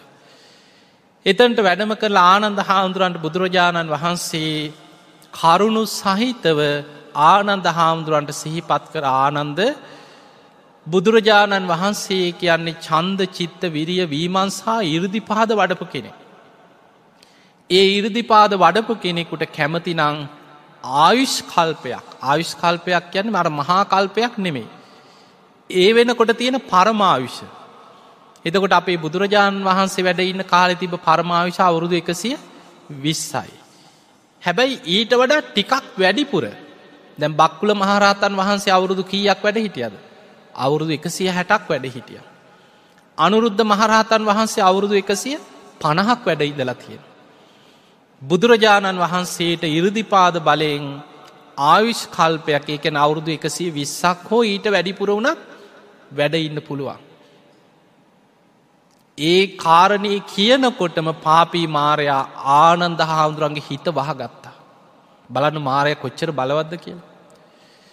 ආනන්ද හාමුදුරන්ගේ හිත මාරය වසාගත්ත කියන. දෙවනි වතාවත් බුදුරජාණන් වහන්සේ කාරණයෝ විදිහටම සිහිපත් කර. තුංගනි වතාවේ සිහිපත් කරා පාපී මාරය ආනන්ද හාමුදුරන්ගේ හිත වහගෙන හිටි. ආනන්ද හාමුදුරන්ට බැරි වුණා තිට්ටතු බන්තේ කප්පං සාමීනී කල්පයක් වැඩඉන්න සේක්වා කියලා ආරාධනා කරන්න බැරි වුණා මාරය හිත වහගත්තා. බුදුරජාණන් වහන්සේ වදාලා ආනන්ද දැන් ඔබ මෙතනින් ඉවත්වෙන්. ආනන්ද හාදුරු බුදුරජාණන් වහන්සේට වන්දනා කරලා එතනින් ඉවත් වෙලා ඒ අසල ගහක් යට නිසීදන එලාගෙන භාවනා කරන්න වාඩි වුණා පමණයි වසවර්ති මාරය පෙනී හිටිය. පෙනීදල බුදුරජාණන් වහන්සේට මතක් කරා අරකාරණය ස්වාමිනි ඔබහන්සේට මතකද. ඔබහන්සේ බුද්ධත්වයට පත්වෙච්ච මුල්ම සතිය මං පිරිනිවන් පාන ආරාධනා කරා. එදා ඔබහන්සේ මට මෙහෙම ප්‍රකාශයක් කරා. බුදුවරු එහෙම පිරිනිවන් පාන්නේ. අවබෝධ කරගත් ධර්මය ලෝකෙට දේශනා කරලා සිව්වනක් පිරිස ලෝකෙ පහළ වෙලා ඒ අය ධර්මය ගැන වියක්ත විසාරද බහුස්ෘත ධර්ම දරාය බවට පත්වෙලා බුද්ධ ශාසනයේ බබලවන්න දක්ෂ වෙනකම් පිරිනිවන් පාන්නේ. ස්වාමිනි ඔබහන්සේගේ ඉලක්කෙ දැන් සම්පූර්ණයි. මේ වෙනකොට භික්‍ෂු භික්‍ෂුණී උපාසක උපාසිකාව ලෝකෙ බැබලෙනවා. හැම අතකම හැම නගරේකම එදා ආරාම සෙනසුන් ඉදි වෙලා බැලූ බැලූ අත භික්‍ෂු භික්‍ෂුණී උපාසක උපාසිකාවෙන් සම්බුද්ධ ශාසනී බැබලෙනවා. ඒ අය ධර්මය ගැන වියක්තයි විසාරදයි බහුශ්ෘතයි ධර්ම දරයි. ඒ නිසා ඔබහන්සේ වැඩ හිටිය දැන් ඇති. ඔබහන්සේ පිරිනිවන් පානසේක්වා කියලා ආයිත් මතක් කරා. එතකොට බුදුරජාණන් වහන්සේ මේ මාරයට ඕන නිසා පිරිනිවන් පැවනෙමි. උන්වහන්සේ බුදු ඇසිම් බැලුවා බුදු කෙනෙක් කළ යුතු සම්බුදු කෘත්තිය දැන් සිදුවෙලා අවසානයිද. ඒ වෙනකොට බුදුරජාණන් වහන්සේ විසින් දේශනා කළ යුතු ඒ ධර්ම කොටස් සියල්ල ලෝකට දේශනා වෙලා අවසානයි. භික්‍ෂු භික්‍ෂුණී උපාසක උපාසිකාවන් ධර්මයෙන් ව්‍යක්තයි විසාර්ධයි බහුස්ෘතයි ධර්ම දරයි. ඒ වෙලේ උන්වහන්සේ බුදුරජාණන් වහන්සේ මාරයට කෙන පාපී මාරය නුබ කලබල වෙන්න එපා. තව හරියටම මාස තුනක් අවසන් වෙන තැන තතාගතයන් වහන්සේ පිරිනිවන් පානවා කියලා ආයු සංස්කාර අතහැරිය. අර බේලුව ගමේ අධිෂ්ඨාන කරගත්ත චන්ද චිත්ත විරිය වීමන්සා කෙන ආයු සංස්කාර නවම්පුන් පොහෝ දවසේ. බුදුරජාණන් වහන්සේ තව හරියටම මාස තුනක් අවසන් වෙන තැන වෙසක්පුන් පොහෝ දවස පිරිනිවන් පානවා කියලා ආයු සංස්කාර අතහැරලා පිරිනිවන් පාන අධිෂ්ඨාන කරා. බුදු කෙනෙක් ආයු සංස්කාර අතහරිනවා සමගම මහපොලොව කම්පාවට පත් වුණ. අකලට ගිගුරුන් දීලා පොද වැස්සක් ඇදහැලුන් පුංචි වැස්සක් ඇදහැලුන්. ආනන්ද හාමුදුරු භාවනා කරන්න වාඩි වුණා විතරයි මේ පොළොව සෙලවෙනවා. පොඩි වැස්සක් ඇදහැලුන අහස පොඩ්ඩි වෙනසක් වුණා. ආනන්ද හාන්දුරුව ඉක්මනින් නැකිට ලැවිල්ලා බුදුරජාණන් වහන්සේට වන්දනා කරලා කියනව සාමිනි මේ දැම් පොළොව සෙලවුණ. අකලට ගිගුරුම් දීලා වැස්සක් ඇදහැලුණ. සාමීනී ඇයි මේ බුදුරජාණන් වහන්සේ කාරණ අටක් එකින් එක විස්තර කරා. එකක් තමයි ස්වභාවිකව පොළොව අපි කිය භූමි කම්පාවල එනවා කළේ ස්වභාවික සිදුවීම. ඊළඟ කාරණය තමයි ඉරුද්ධිමත් චිත්ත වශී ප්‍රාප්ත කරගත්ත බ්‍රාහ්මණවරු ඉන්නවා පට විදහතුව මේ සතර මහා ධාතු චිත්ත වශී ප්‍රාප්ත කරගත්තා. ඒ අයට පුළුවන්කෙන චිත්ත බලෙන් පොලෝ කම්පා කර. ඊළඟට බෝසතාණන් වහන්සේ නමක් ලෝකයේ මවකුස පිළිසිඳ ගන්නකොට පොළොව සෙලවෙන. මවකුසින් බිහි වෙනකොට පොළොව සෙලවීමක් වෙන. මහා අභිනිස්ක්‍රමණය කරනකොට පොළොව සෙලවෙන. ලෝතුරා සම්බුද්ධත්වයට පත්වෙනකොට පොළොව සෙලවෙනවා. ප්‍රථම ධර්ම දේශනාව පවත්වනකොට පොළොව සෙලවෙන. බුදු කෙනෙ ආයු සංස්කාර අතහැල්ල පිරිනිවන් පාන අධිෂ්ඨාන කරද්දි පොළොව සෙලවෙන. තතාගතයන් වහන්සේ අනුපාදිශේෂ පරිනිර්වාණය ධාතුවෙන් පිරිනිවන් පාද්දි පොළොව සෙලවෙන. ආනන්ද මේ දැම් පොළොව සෙලවුනේ තතාගතයන් වහන්සේ ආයු සංස්කාර අතහැල්ල පිරිනිවන් පාන අධිෂ්ඨාන කරා කියව. අන්න ආනන්ද හාන්දුරන්ට ඒ වෙලාව උන්වහන්සේට සිහියාව. ආනන්ද හාන්දුර ඉක්මනට නිසීදනීලල වැඳගෙන අනේ ස්වාමීනී කල්පයක් වැඩඉන්න සේක්වා. නිදුකානන් වහන්ස කල්පයක් වැඩඉන්න සේක්වා කියලා ආරාධනා කර. බුදුරජාණන් වහන්සේ වදාළ ආනන්ද දැන් පරක්කු වැඩී කිව. දෙවනි වතාවටත් තෙවනි වතාවටත් ආනන්ද හාන්දුරු නැවත නැවත අනේ සාමීනී දෙව්මිනිස් ලෝකයා ගැන කරුණාවෙන් කල්පයක් වැඩ ඉන්න සේක්වා කියලා ආරාධනා කර. බුදුරජාණන් වහන්සේ වදාලා ආනන්ද ඔබ හොඳට ඕම දන්නවා බුදු කෙනෙක් ගත්ත තීරණයක් ආයි වෙනස් කරන්නේ. ඒ නිසා ආනන්ද හෙට දවසේ විශාලා මහනුවර කූටාගාර ශාලාවට සංඝයා රැස් කරන්න පණවිඩ යවන්න කිව්. ආනන්ද හාමුදුරුවෝ රාත්‍රී ඒ අවට තියෙන සියලු ආරන්නේ සේනාසන භික්‍ෂූන් වහන්සේලා වැඩඉන්න හැම තැනටම පණවිඩකරුවන් පිටත් කරා පසුවදා විශාලා මහනුවර කූටාගාර ශාලාවට මහා සඟ පිරිසක් රැස්සුනා. එදා බුදුරජාණන් වහන්සේ ආනන්ද හාමුදුරුව සමඟ විශාලා මහනුවර කූටාගාර ශාලාවට වැඩම කරලා උන්වහන්සේ පිරිනිවන් පානවා කියලා ගාථා පෙළකින් මෙන්න මේ විදිහට කියනවා. පරිපක්කෝ වයෝ මයිහං මහනෙනි තතාගතයන් වහන්සේ දැම් බොහෝම වයසට ගිය කෙනෙක්. පරිත්තම් මම ජීවිතං. ජීවත්වන්න තියෙන තව ඉතාම ස්වල්ප කාලයයි. පහායවෝ ගමිස්සාමි. නුඹල සියලු දෙන අතහැරලා තතාගතයන් වහන්සේ පිරිනිවන් පානවා. කතම් මේ සරණ මත්තනෝ මං මගේ පිහිට හදාගත්තා. අපපමත්තා සතිීමන්තා සුසීලා හෝත භික්කවෝ අප්‍රමාදීව සිහි ඇතුව සිල්වත්ව වාසය කරන්න මහනෙන. සුසමාහිත සංකප්පෝ සචිත්ත මනුරක්කත. හොඳට සතර සතිපට්ඨානය තුළ හිත පිහිටවාගෙන තමන්ගේ හිත රැකගන්න. යෝයි මස්මින් දම්මවිනේ අපමත්තෝ විහෙස්සති. යමෙක් මේ ධර්මවිනේ තුළ අප්‍රමාදිය වාසය කළොත් පහය ජාති සංසාරත් දුක්කත් සත්තං කරිස්සති. ඒ සියලු දෙනා මේ ඉප දෙන මැරෙන සංසාරදුකින් එතර වෙලා උතුම් මමා මහ නිවන කරා යනවා කියල දේශනා කර. එදා බුදුරජාණන් වහන්සේ ආනන්ද හාන්දුරුව සමඟ විශාලා මහනුවර නගරයට පිණ්ඩ පාති වැඩම කරලා දානේ වලඳලා නගරි දොරටුව ළඟට ඇවිල්ල මුළු ශරීරයේම හරවල විශාලා මහනුවර දිහා බැලුව. ආනන්ද මේ විශාලා මහනුවර හරීම රමණීයයි. තතාගතයන් වහන්සේ මේ විශාලා මහනුවර දකින අවසාන වතාවමයයි කිව. අපි මෙතනින් යමු කිව බණ්ඩගාමයට. ලිච්චවී රාජ කුමාරුරු දැනගත්ත බුදුරජාණන් වහන්සේ ආයමත් වඩින්නේ. උන්වහන්සේ පිරිනිවන් පාන්න මේ යන්නේ. බුදුරජාණන් වහන්සේ පිටත්වෙච්ච දවාරයේ ගෞතම දහාරය කියලා ඔවුන් නම තිබ්බා. එතනින් බුදුරජාණන් වහන්සේ ගඟෙන් එතර වෙලා ගංගානංගගෙන් එතර වෙලා යනකොට තීර්තය ගෞතම තීර්තය කියලා උන් නං කරා. බුදුරජාණන් වහන්සේ ඔය විදිහට තමයි ඉතිරි මාස තුනත් දින සති මාස ගෙවීගෙන බණ්ඩගාමේ හත්තිගාමේ බෝග නගරේ පසු කරගෙන කුසිනාරාව මල් රජදරුවන්ගේ උපවර්තන සාල වනෝද්‍යානයට වැඩම කරලා එදා වෙසක් පුන් පොහෝ දවසේ අනුපාදිශේෂ පරිනිර්වාණ දහත්වෙන් පිරිනිවන් පාවදාලේ. තිං ඒ වගේම අපි බලමු සියලු බුදුරජාණන් වහන්සේලා අත් නොහැර සිදු කරන දේශනා තියෙන. හැම බුදු කෙනෙක්ම පරිහරණය කරන ස්ථානවලට අපි නමක් කියනවා අවිධහිත භූමි. බුද්ධගයා වජිරාසනය අවිධහිත පුුණ්්‍ය භූමිය. හැම බුදු කෙනෙක්ම ප්‍රථම දේශනාව කරන ඉසිපතන මිගදාය අවිධහිත භූමියක්. හැම බුදුරජාණන් වහන්සේ නමක ජීවිතයේ වැඩිම කාලයක් වැඩ ඉන්න සැවැත්නුවර ජේත වනේ අවිධහිත භූමිය. හැම බුදු කෙනෙක්ම දෙවුලෝට වැඩම කරලා විජම්බන අභිධර්ම දේශනාව කරන්නේ දෙවියන්ට.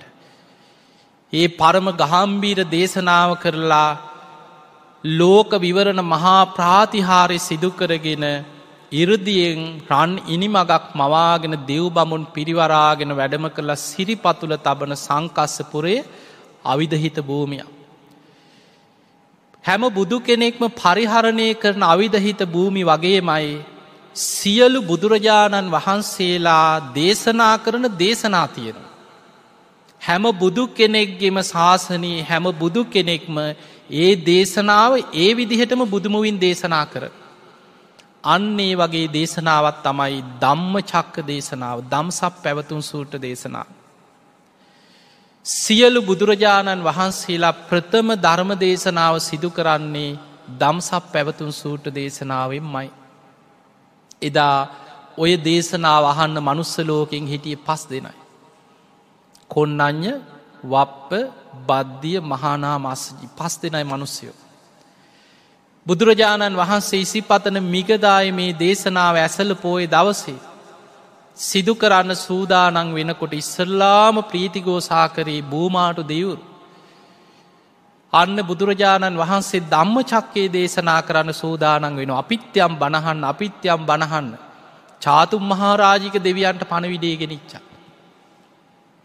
ඒ හඬට චාතුම් මහාරාජික දෙවියන් තාවතිස්ස දිවිය ලෝකෙට යාම තුසිත නිම්මාන් රති පරනිම්මිත වසවර්ති බ්‍රහ්ම පාරිසජ්‍ය බ්‍රහ්ම පුරෝහිත අකනිටා බඹලව දක්වා සැනින් දෙවියන් අතර සාධකාරදිදී දස දහසක් ලෝක දහතුවල දෙවියන්ගෙන් ඉසිපතන මිගදාය අතුරු සිදුරු නැතුව පිරිලගයා කිය. දේශනාව අටුවාවල විස්තර වෙන තැන්වල සඳහන් වෙනවා සමහර දෙවිවරුන්ට අහසේ බුදුරජාණන් වහන්සේ දහම් දෙසනවා පේන්නේ නෑ. ඒ තරන් දෙවුරු අහසි පිරිලා. ඒ දෙවියන් ඉන්දිකටු තුඩක් තරං ඉතා සියුම් දිවිය ශරීර මවාගෙන අහසි පිරුණ කිය. එතකොට ඔබ හිතන්න මේසා විශාල අහසේ ඉන්දිකටු තුඩක් තරන් දිවිය ශරීර මවාගෙන දෙවියන් අහස පිරුණ කියන්න මේ ලෝක ධාතුව විතරක් නෙමෙයි. දස දහසක් ලෝක දහතුළ දෙවිවුරු අහසේ පිරිල බණ ඇහුව. මනුස්ස ලෝකෙන් පස් දෙනෙක් වුණාට දෙවිවරුන්ගෙන් කෝටි ගානෙන්වත් කියන්න බැරි තරම් පිරිසක් එදා අහස පිරිලා ඒ උතුම් ධම්ම චක්ක දේශනාවහනවා. ඒ දේශනාව අවසන් වෙන්නකොට මනුස්ස ලෝකෙන් සෝවාන් වනේ කොන්නඥ හාන්දුරුව විතරයි පළවෙනි දවසේ. හැබැයි එදා අර අහසේ බණහපු දෙවිවරු අතරින් දහාට කෝටියක් දෙවියම් මාර්ගපල් ලැබවා කියල සඳහන් වෙනවා. එතකොට ධම්ම චක්ක දේශනාව කියලා කියන්නේ මනුස්සලෝකෙන් පළවෙනි දවසේ කොන්නඥ ස්වාමීන් වහන්සේ සෝවාන් වෙද්දී දෙවියන් අතරින් දහාට කෝටියක් මාර්ගපල්ලපු දේශනාව. බුදුරජාණන් වහන්සේදා මේ පස්සක භික්‍ෂූන් වහන්සේලාට මේ උතුම් දේශනාව අවිධහිත දේශනාව දේශනා කරනවා දවේ මේ භික්කවේ අන්තා මහණනි අන්ත දෙකක් තියෙනවා. පබ්බජිතේන නැසේවි තබ්බා. පැවිද්දං විසින් නිවන කරායන විමුක්ති හොයාගෙන යන අය සේවනී නොකළ යුතු. කාමේසු කාමසු කල්ලිකානයෝග මේ ශරීරයට සැප සම්පත් දෙමින් පංච කාමයම්ම පිනවල විමුක්තිය ලබන්න හිතනවනං ඒක අතහර යුතු අන්තයක්. ඊළඟට සමහර තවත් අන්තයක් තියෙනවා අත්ත කිල මතානුයෝගී. ඒක දුක්කෝ අනරියෝ අනත්ත සංහිත ඒක දුක් සහිතයි අනාරයයි ඒක නිවන් මග නෙමෙයි. නමුත් අපි වනත් ශරීරයට දුක් දෙන අය දැක්කහම පහදිනවා. බුදුරජාණන් වහන්සේ පෙන්වා ඒක විමුක්ති මග නෙමෙයි. උන්වහන්සේ අවුරුදු හයකට ආසන්න කාලයක් ශරීරයට අනේක විද දුක්පීඩා දීලා දීලා අපිට හිතාගණ්ඩ බෑ. අරිය පරියේෂණ සූත්‍රය සීහනාද සූත්‍රය වගේ දේශනා බලනකොට අපේ බෝසතාණන් වහන්සේ දුස්කරක් ක්‍රියා කරන කාලේ මොන්න තරන් ශරීරයට දුක්තුන්නද. එහෙම දුක්දීලා විමුක්තියක් ලැබෙනවනං උන්වහන්සේ සිහිසුන්ව දින ගණන් ඇදගෙන වැටිලා හිටිය. ආහාර වර්ජනය කරලා අවසානය එක හාල්ලටයක් විතරත් දවසකට දිවාගතියා ගත්තා කිය. එක පුංචි අබෑටයක් දිවාගතියාගත්තා. අන්තිමට පාත්තරයට වැටෙන කොලයක් ගෙඩියක් කුළගේ හමාගෙන ඉන්න දෙයක් විතරක් දිවාගතියාගත්ත. උන්වහන්සේගේ හිස හරියට වේලිච්ච ලබු කැටයක් වගේ වනා කියල උපමාවකට තියෙන. අත පයි අසීතික කියන වැල්පුරුක් වගේ වෙලාගිය. පපු අතගානකොට කොඳු වැට පේලි අහුවෙන. දින ගණන් සිහිසුන් ඇදගෙන වැටිනො ඒ තරන් දුස්කරක් ක්‍රියා කරා ඒක විමුක්ති මගක් නෙමේ. බුදුරජාණන් වහන්සේ දේශනා කරා ඒත් ඒතේ උබොහෝ අන්තේ මෙන්න මේ අන්ත දෙක අතහරින්න. ශරීරයට සැපදිදී විමුක්තියක් ලබන්න හිතනවනං ඒ අන්තයයි ශරීරයට දුක්දීල විමුක්තියක් ලබන්න හිතනවනං ඒ අන්තයත් අතාරී. ඒත් ඒතේ උබහෝ අන්තේ අනුපගම්ම මජ්ජිමා ප්‍රතිපදා තතාගතයෙන් අභි සම්බුද්ධා. මෙන්න මේ අන්ත දෙකෙන් තොර මධ්‍යම ප්‍රතිපදාව තතාගතයෙන් අභි සම්බුද්ධා තතාගතයන් වහන්සේ විශේසිෙන් අවබෝධ කරගත්තා. චක්කු කරණී දහම් මැස ලබා දෙනවා. ඥානකරණී ප්‍රඥාව පහල කරලා දෙනවා. උපසමාය කෙලෙස් සංසිදවනෝ. අභිඤ්ඥාය චතුරාරි සත්‍ය අවබෝධය ඇති කරනවා. නිබ්භානාය සංවත්තන්ති. නිවනට උපකාර වෙන. ඒ තමයි අය මේ වරියෝ අට්ටංගිකෝ මක්ගෝ මෙන්න නියම මග ආර්යෂ්ඨායික මාර්ග සම්මාධිට්ටි සම්මා සංකප්පෝ සම්මා වාචා සම්මා කම්මන්තෝ සම්මා ආජීවෝ සම්මා වායාමෝ සම්මා සති සම්මා සමාධි කියන අංග අටකින් යුක්ත සීල සමාධි ප්‍රඥාවලින් යුක්ත මෙන්න මේ නිවන් මග තමයි ඒ කායන නිවන් මග කියලා එදා ප්‍රථම දම්ම චක්ක දේශනාවදි බුදුරජාණන් වහන්සේ විස්තර කරේ ඔන්න ඔය දේශනාව. එතනදි බුදුරජාණන් වහන්සේ චතුරාරි සත්‍ය විස්තර කරා. මහනෙන මෙන්න දුක ජාතිපි දුක්කන් ජරාපි දුක්කං ව්‍යාධිපි දුක්කෝ මරණම්පි දුක්කං ඉපදීම දුකක් වයිසටයාම දුකක් ලෙඩවීම දුකක් මරණය දුකක් ප්‍රියන්ගෙන් වෙන්වීම දුකක් අප්‍රියන් සමග එකතුවීම දුකක්. යම් පිච්චන්න ලබති තම්පි දුක්කං යමක් කැමතිද කැමතිදේ නොලැබීම දුකක්. එතන කැමතිද කැමතිදේ නොලැබීම දුකක් කියන්නේ අපි මේ ආස කරනදේ අපිට හම්බෙන්නෑ කියන එක නෙමේ එතන. ඒකත් එක දුකක් තමයි. ඉපදීපදී යන කෙනා කැමති වෙන අනේ මට නම් මේ වගේ උපතක් නම් ලැබෙන්න එපා. හැබැයි කෙලෙස් සහිතව ඉන්න තාකල් උපදිනවා. ලෙඩවෙන අය දැකලා කැමති වෙනවා. හනේ මට නං උපෝපං ආත්මිකවත් මේ වගේ නල් ලෙඩක් හැදෙන්න්න පාකිලෝ ස්පිරිතාලවලට එහෙම ගිහිල්ල ලෙඩ්ඩු විඳෝනවා දැකලා. එක තැන මළමුට්ට කරගෙන දුක්විඳලින් ලෙඩ්ඩු දැකලා හිතෙන් නැද්ද? හම්බෝ මේ වගේ නං වෙන්න එපා කියලා. එහෙම හිතුවට කැමතිදේ වෙන්නේ නෑ අපි දරාගනින්න ලෙඩ වෙන ශරීරයක්. වයසට ගිහිල්ල නැකිට ගන්න බැරුව කොන්ද කුදු වෙලා නැකිට ගන්න හදනකොට ඇදගෙන වැටෙනවා හම රැලි වැටිලා දට්ටික ඔක්කොම වැටිලා කටට දාන වත්තුර ටික කටින් ගලාගෙන යනවා. ඒ වගේ අයි දැක්කහ මම්බෝ මටනම් මෙහෙම දුක් විඳින්න ඕන්නෑ. මේ වගේ නම් මට වෙන්නේ පා කියලා හිතනවා. එහෙම හිතුවට කැමතිදී ලැබෙනවද. නෑ අපි කවුරුත් වයසට යන ශරීරයක් දරාගෙන අය. මිනිස්සු මැරෙනවා මරණය ඉදිරියේ හඬා වැලපෙන අනේ බුදු ඩොක්ට මට මැරෙන්න්න බෑ අනේ මාව බේර ගනිල්ල කියලා මිනිස්සු හඬා වැටෙනවා. මරණය ඉල්ලනවා දරුවෝ බදාගෙන අඩනවා. ඒවා දැකලා හිතන අම්බෝ මටනම් මෙහෙම වෙන්න එපා. ඒ වනාට අපි කවුරුත් ඉපදුනානං නත්ති ජාත සමරණ නොමැරී ඉන්න පුළුවන් ක්‍රමයක් නෑ. අන්න කැමතිදේ නොලැබීම.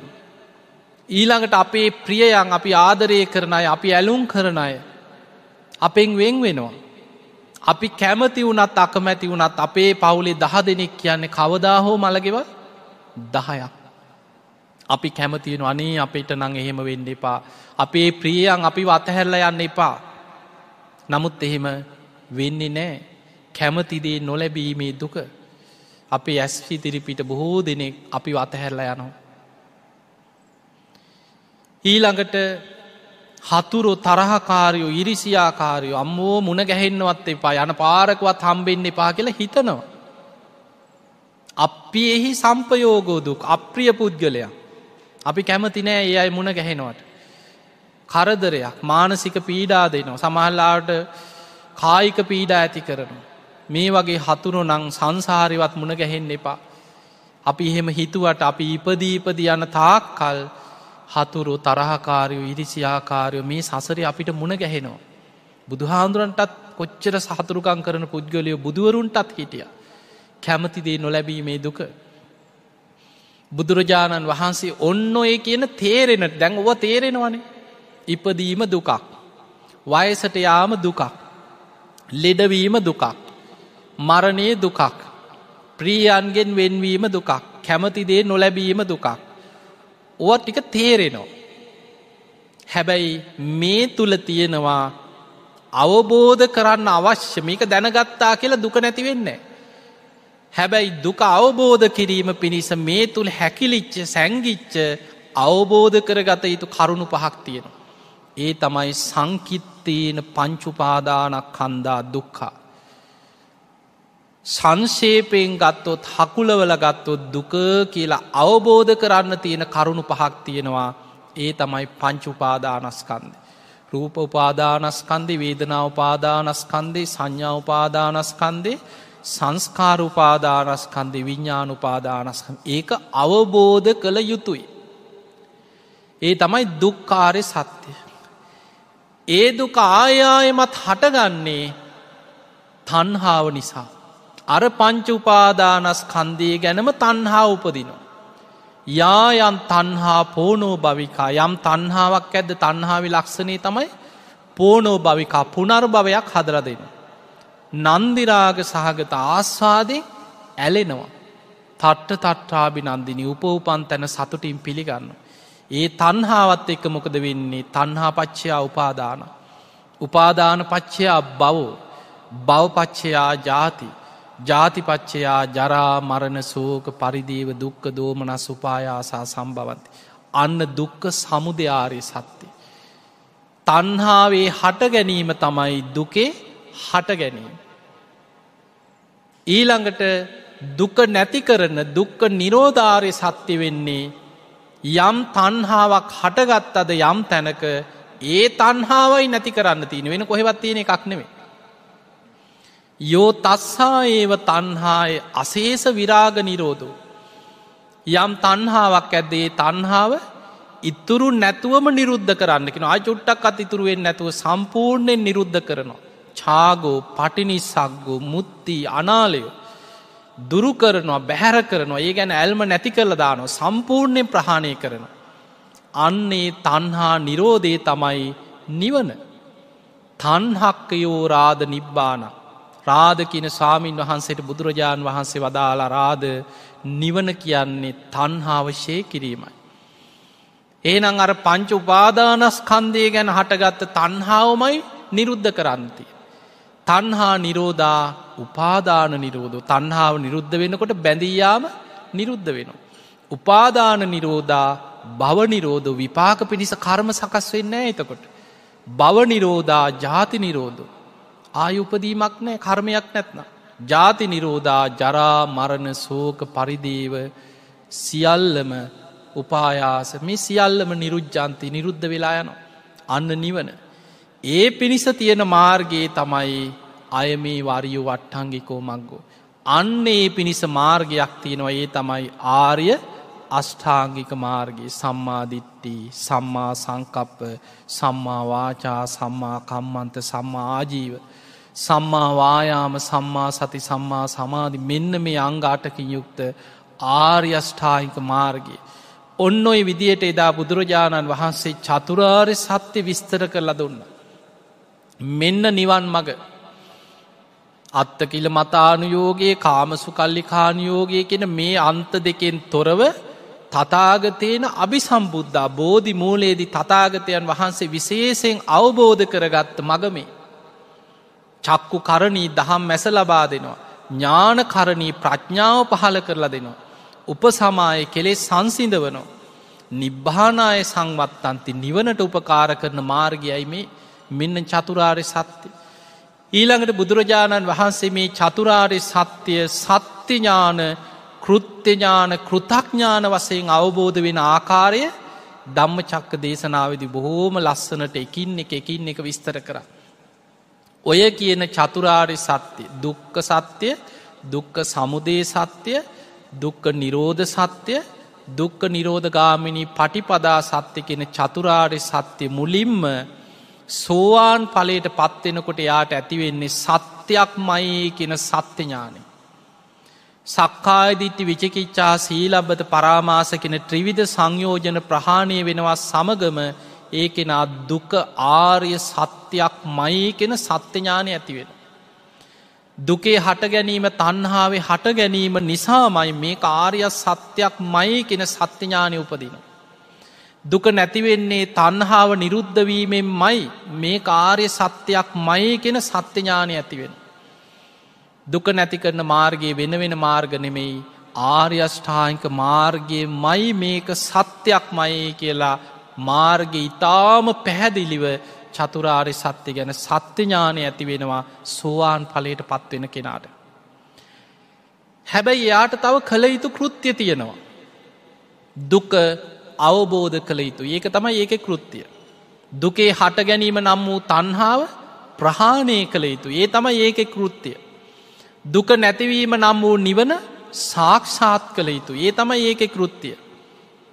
දුක නැති කරන මාර්ගය සීල සමාධි ප්‍රඥාවසයෙන් වැඩිය යුතුයි. අන්න මාර්ගයේ තියෙන කෘත්තිය. එතකොට සෝවාන් වෙච්ච පුද්ගලයා අර සත්‍යඥානයට පැමිණිච්ච කෙනා මේ කෘත්‍ය දියුණු කරනු. කෘත්‍ය වඩාගෙන යන දුක අවබෝධ කරන්න මහන්සි ගන්නවා තන්හාාව ප්‍රහාණය කරන්න මහන්සි ගන්නවා. නිවන සාක්ෂාත් කරන්න මහන්සි ගන්න මාර්ගය වඩාගෙන යනවා. යම් ප්‍රමාණයකට වැඩීගෙන යනකොට කාමරාග පටික සංයෝජන ඔහු තුළින් තුනී වෙලා සකදාගාමී පලට පත්වෙනවා. තවදුරටත් කෘත්‍ය දියුණු කරගෙන යනකොට කාමරාග පටික සංයෝජන සම්පූර්ණයෙන්ම ප්‍රහාණය වෙලා අනාගාමී පලට පත්වෙනවා. තවදුරටත් වඩාගෙන යනකොට තවත් තියෙන අනාගාමී වෙච්ච කෙනාටත් තව සංයෝජන පහක් තියෙන. රූපරාග අරූපරාග මාන උද්දච්ච අවිජ්ජා. ඒ සංයෝජන පහත් ප්‍රහාණය වෙන විදිහටම අරහත් මාර්ගයේ තුළ කරන්නේෙත් අර කෘත්‍යම දියුණු කරනවා. දුක පරිපූර්ණ වසයෙන්ම අවබෝධ කරගන්න වීරිය ගන්න. තන්හාාව සම්පූර්ණයම ප්‍රහාණය කරන්න වීරිය ගන්න. නිවන සම්පූර්ණයම සාක්ෂාත් කරන්න මහන්සි ගන්න. මාර්ග සීල සමාධි ප්‍රඥාවසයෙන් සම්පූර්ණයම වඩල අවසන් කරන්න මහන්සි ගන්න. එහෙම වඩාගෙන යනකොට යම් මොහොතක හිත කෙලෙසුන්ගෙන් මිදිල ආශ්‍රව සහිතවම ආසවක්කේ ඥානය ඇතිවෙනවද ඒ ආසවක්කේ ඥානය ඇතිවෙනවා සමගම දුක මට අවබෝධ වනා කියන කෘතඥානය ඇතිවෙන. තන්හාාව සම්පූර්ණයෙන් මා තුළින් ප්‍රහාණය වනා කියන කෘතඥානය ඇතිවෙන. නිවන සම්පූර්ණයෙන් මම සාක්ෂාත් කළ අවසන් කරා කියන කෘතඥානය ඇතිවෙන. මාර්ගයේ සීල සමාධි ප්‍රඥාවසේ මං වඩල අවසන් කරා කියන කෘතඥානය ඇතිවෙන. එතකොට රහතන් වහන්සේලා තුළ චතුරාරි සත්‍යය ගැන සත්‍යඥාන කෘත්‍යඥාන කෘතඥාන තිපරිවට්ටන් දවාදසාකාරං ආකාරයට අවබෝධ වෙලා අවසානයි. ඒ නිසා තමයි රහතන් වහන්සේලා ගැන කියන්නේ රහතන් වහන්සේලාට ආර්යෂ්ඨායික මාර්ගය අංග අටට අමතරව තව දෙකක් පිහිටනවා. දසාන්ගේහි සමන්නාගතු අරහාති උච්චතිී කියන. අංග දහයක් තියෙන. ඒ තමයි සම්මාදිට්ටි සම්මා සංකප්ප සම්මා වාචා සම්මා කම්මන්ත සම්මා ආජීව සම්මාවායාම සම්මා සති සම්මා සමාදී සම්මා ඥාන සම්මා ඥාන කියන්නේ චතුරාරි සත්‍යය සත්‍යඥාන කෘත්තිඥාන කෘතඥාන වසයෙන් පරිපූර්ණෝම අවබෝධ කරා කියන ඥානෙ. ඊළඟට සම්මා විමුක්ති මම විමුක්තියට පත් වනා කියන අවබෝධය. ඔන්න ඔය කාරණාටික තමයි බුදුරජාණන් වහන්සේගේ ප්‍රථම දේශනාවන ධම්ම චක්ක දේශනාවෙන් හකුලෝල දේශනා කර අපිට. බුදුරජාණන් වහන්සේ ඔන්න ඔය දේශනාව දේශනා කරලා අවසන් වෙනවා සමගම දස දහසක් ලෝක ධාතුවට මාලෝක ධාරා පැතිරිලා ගිය. දෙවියන්ගේ දේවානු භාවය ඉක්මවා ගිය. අපපමානෝච්ච උලාරෝ ඕභාසෝ ලෝකයේ පාතුරහෝසි. දෙවියන්ගේ දේවානු භාවේ පවා ඉක්මවාගේ ආලෝක දහරා පැතිරෙනකොට මහා ගණ අන්දකාරයේ තියෙන ලෝකාන්තරික නිරේ පවා ටික වෙලාවකට ආලෝකමත් වුණා. ඒ මොහොතේ කොන්නඥයන් වහන්සේගේ හිත සක්කාය දිට්ටි විචකිච්චා සීලබ්බත පරාමාස ත්‍රවිධ සංයෝජනයන්ගේ මිදිල සෝවාන් පලට පත් වනා. බුදුරජාණන් වහන්සේගේ බුදුමුවිනුත් උදානයක් පල වුණා. කොන්නඥයන් වහන්සේට අවබෝධ වුණ අඥ්ඥාසිවත බෝ කොන්නඥෝ අඥ්ඥාසිවත බෝ කොන්නඥෝ. කොන්නඥයන් වහන්සේ මේ ධර්මය අවබෝධ කරා. කොන්නඥයන් වහන්සේට මේ උතුම් ධර්මය අවබෝධ වනා කියල බුදුරජාණන් වහන්සේගේ බුදුමුවින් පිට වුණා. අන්න එතනති බුදුරජාණන් වහන්සේ ශ්‍රී හස්තය දියගු කරා මෙහෙන්න මහනිනි මේ ධර්මය සාක්කාතයි. මනාකොට දේශනාකොට තිබෙන්නේ කියලා ශ්‍රී හස්තයේ දිගු කරනකොටම ඒහි බික්කු භාවෙන් පැවිදි උප සම්පදාව ලැබුණ. ඒ තමයි මේ බුද්ධ ශාසනයේ ප්‍රථම ශ්‍රාවක සංඝයා පහළවීම. පිංහතුනි ඇසල පෝය දවසේ ඔය දම් දැන් අපි දන්න වෙසක් පෝය දවසේ බුද්ධගයා වජනාසනය මත තමයි බුද්ධ රත්නය ලෝකෙට පහළවෙන්. ධම්ම චක්ක දේශනාව බුදුමුවින් දේශනා කිරීමත් සමගම ධර්මරත්නය පහළ වුණ ඇසල පෝය දවසේ. ඒ දේශනාව අවසන් වෙන්නකොට කොන්නඥ හාමුදුරුව උතුන් ධර්මය අවබෝධ කරගෙන එහි බෙක්කු භාවෙන් පැවිදි උප සම්පදාව ලැබීමත් සමගම සංගරත්නය පහළ වෙලා තුනුරුවන් ස්ථාපිත වනාමේ ලෝකෙට. අපි අද බුද්ධන් සරණංගච්ඡාමි දම්මන් සරණංගච්ඡාමි සංගන් සරණංගච්ඡාමි කියලා අපි තෙරුවන් සරණ යන තුනුරුවන් පහළ වනේ ඉසි පතන මිගදාය ධම්ම චක්ක දේශනාව අවසන් වෙනවත් සමගමයි. බූමාටු දෙවියන්ගේ පටන් අකනිටා බඹලවටම දෙවිවරු ප්‍රීතිගෝසා කරා. දහාට කෝටියක් දෙවිවරුතේ මොහොතෙම ඒ දේශනාව අහලා මාර්ග පල් ලැබුව. දෙවරු ප්‍රීතිගෝසා කර අපපතිවත්්‍යයන් ශ්‍රමණයනවා බ්‍රාහ්මණයනවා දේවේනවා මාරේනවා කියන චිවාලෝ කස්මි. මේ දේශනාව නම් මේ ලෝකෙ වෙන කාටවත් කරන්න බෑ. ලෝතුරා බුදු කෙනෙක් මයි මේ ධම්ම චක්ක දේශනාව කරන්නේ. බුදුරජාණන් වහන්සේ ධම්ම චක්ක දේශනාව පැවැත්තුවා කියලා දෙවියන් ප්‍රීතිගෝසා කර.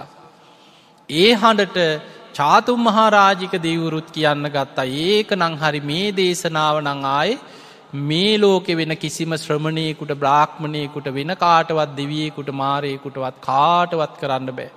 ලෝතුරා බුදු කෙනෙක් මයි මේ දේශනාව කරන්න.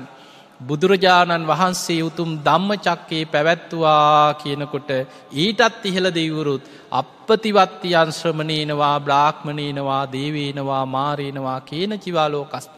ඒ විදිහට එකින් එක ඉහළ ඉහළ දිවිය තලවල ඉඳං අකනිටා බඹලවටම දෙවරු එක හඬින් සාධකාර දෙමින් ප්‍රීතිගෝසා කරන්න පටන්ගත්. අද අපි සාධකාර දෙනවා එදා බූමාටු දෙවියන්ගේ පටන් අකනිටා බඹලවටම මහාහඬින් සාධකාර දෙමින් සාධකාරි පැතිරිලාගේ ඉසිපතන මිගදායි ඒ උතුම් ධම්ම චක්ක දේශනාවත් සමඟ. පිංහතුනී ඒ උතුම් දේශනාව නිතර සජ්්‍යහයනා කරන්න. නිතර සිහි කරන්න දෙවියන් දහාට කෝටියක් දිවුරු මාර්ග පල්ලපු දේශනා. ඔබ හිතන්නේ දෙවුරු අද නෑ කියලද. මේ මනුස්සලෝකෙට ආසන්නම තියෙන චාතුම් මහ භූමාට දේවතාවරු කැන මේ පොළොව ආසන්න දේවතාව. මනුස්සලෝකෙ ඉදන් යොදුම් හතලිස් දෙදහසක් ඉහල අහසේ චාතුම් මහාරාජික දිවිය තලේ පිහිටල තියෙන. මනුස්සලෝකෙ අපිට අවුරුදු පණහක් කියන්නේ ඒ දෙවියන්ට එක දවසක්. ඒ අයට බුදුරජාණන් වහන්සේ පිරිනිවන් පාල දින පනස් තුනයි. අවුරුදු දෙදස් පන්සිය හැට ගානක් යන දවස් පනස්ත් මාස එක හමාරක් වගේ අයට. මේ ධම්ම චක්ක දේශනාව අහලා මාස එක හමාරක් ගත වුණා වගේ චාතුම් මහාරාජික දෙවියන්ගේ දිවිය කාලෙන් දැනෙන්. ඊට ඉහල මනුස්සලෝක ඉද යොදුන් අසූහාර දහසක් ඉහල අහසේ තෞතිසා දෙව්ලෝ සක්‍ර දෙවියන් වැඩඉන්න තෞතිසා දෙව්ලෝ පිහිටල තියෙනවා. මනුස්සලෝකෙ අවුරුදු සීයක් එහෙට එක දවසයි. බුදුරජාණන් වහන්සේ පිරිනිවන් පාල දවස් විසි පහක් ඉවරයි විසිහයවෙනි දවස තවතිසා දෙවියන්ට දැනෙන්නේ. ඊටත් ඉහලින් යාම දෙවියන්ට මනුස්සලෝක අවුරුදු දෙසීයක් එහෙට එක දවසක්. බුදු හාන්දුරුව පිරිනිවන් පාල දවස් දහතුනක් වගේ. තුසිත දෙව්ලෝක යන මනුස්සලෝක අවුරුදු හාරසීයක් එහෙට එක දවසක්. බුදුරජාණන් වහන්සේ පිරිනිවන් පාල දවස් හයක් හතක් ගෙවුණ වගේ අයට දැනෙන. නිම්මාන රති දෙවියන් මනුස්සලෝක අවුරුදු අටසීයක් එහෙට එක දවසයි. බුදුරජාණන් වහන්සේ පිරිනිවන් පාල තුන්ගනි දවසේ අයට යන්න. පරණිම්මිත වසවර්ති සදවුලව ඉහළම දිවිය තලේ පරණිම්මිත වසවර්ති දිවිය ලෝකයට මනුස්ස ලෝකෙ අවුරුදු එද්දාස් හයසීයක් එහෙට එක දවසයි. දවසකුත් පැයදා හතරක් ගෙවිලතියෙන්.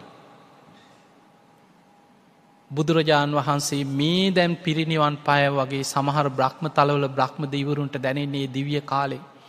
ඒ නිසා බුදුරජාණන් වහන්සේගේ බුදුමුවින්ම මේ දේශන අහපු. ඒ ධම්ම චක්ක දේශන අහද්‍ය අහසේ පිරිලා ඉතිරිලා සාධු කාරදීපු දෙවුරු අදටත් ඉන්නවා. ඒ දෙවරු මේ දේශනා ඇහෙනකොට පිරිත් දේශනා ඇහෙනකොට සාධු කාරදිදී සතුටු වෙනවා ආශිර්වාද කරන. ඒ නිසා පිරිතක වැඩිපුරම බුද්ධ ශක්තිය ඒ බුද්ධ වචනවල තියෙන බුද්ධ ශක්තිය වගේම ඒ දේශන අහපු දෙවියනුත් අහසේ පිරිලා ඉතිරිලා ආශිර්වාද කරන. ඔබහල ඇති ආයු වඩ්ඩන කුමාරය.